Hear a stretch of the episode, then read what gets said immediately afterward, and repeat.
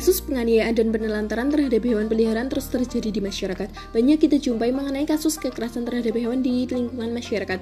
Padahal hal ini sudah dilarang dan diatur dalam Undang-Undang Peternakan Nomor 41 Tahun 2014 tentang peternakan dan kesehatan hewan serta mengenai perlindungan hewan dan ancaman hukuman bagi pelaku kekerasan.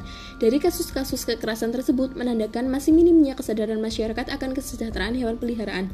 Berdasarkan Undang-Undang Nomor 18 Tahun 2009 Kesejahteraan hewan adalah segala urusan dan yang berhubungan dengan keadaan fisik dan mental hewan berdasarkan ukuran perilaku alami hewan yang perlu diterapkan dan ditegakkan untuk melindungi hewan dari perlakuan setiap orang yang tidak layak terhadap hewan yang dimanfaatkan manusia. Oleh karena itu, mari kita saling mengingatkan dan mengkampanyekan pentingnya kesejahteraan hewan agar tidak ada lagi hewan-hewan peliharaan yang kelaparan, ditelantarkan, dianiaya, dan dibunuh.